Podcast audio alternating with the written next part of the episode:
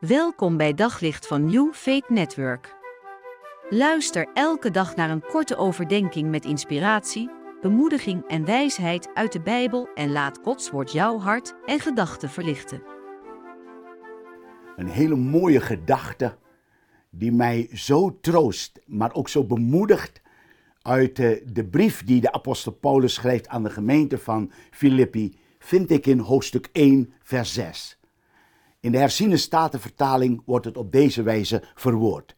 Ik vertrouw erop dat hij die in u een goed werk begonnen is, dat voltooien zal tot op de dag van Jezus Christus. Ik kom in mijn dagelijks leven regelmatig mensen tegen die zo met een stukje gebrokenheid te maken hebben. Mensen die door ziekte beschadigd zijn. Mensen die veel leed ervaren door innerlijke pijn die ze hebben meegemaakt. Je zou zeggen, de onvalmaaktheid en de sterfelijkheid van het bestaan maakt zoveel kapot.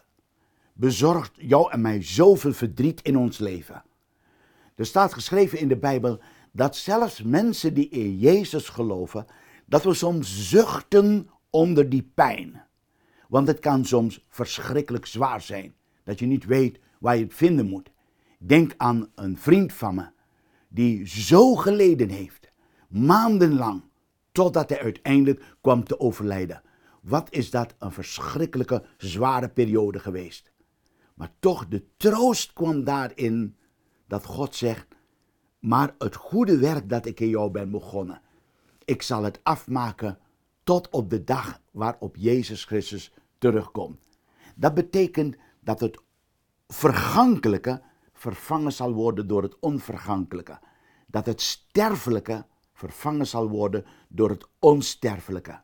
Dat geeft mij zoveel houvast, waardoor ik voor mensen in hun stervensfase, mensen in het lijden dat ze meemaakt, zo tot troost heb kunnen zijn.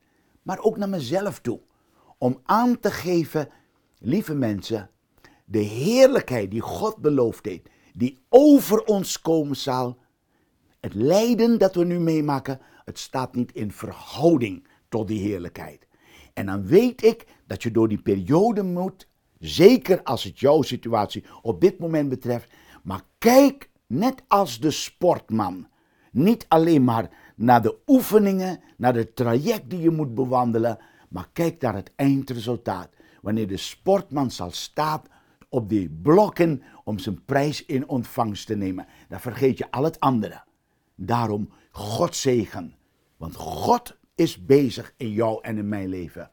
Tot de dag waarop Jezus alle pijn, alle verdriet, alle rouw, alle tranen voorbij zal laten zijn. Want het zal allemaal nieuw zijn.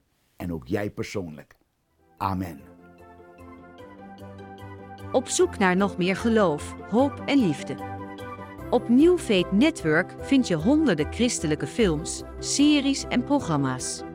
Nog geen lid? Probeer het 14 dagen gratis op newfaithnetwork.nl.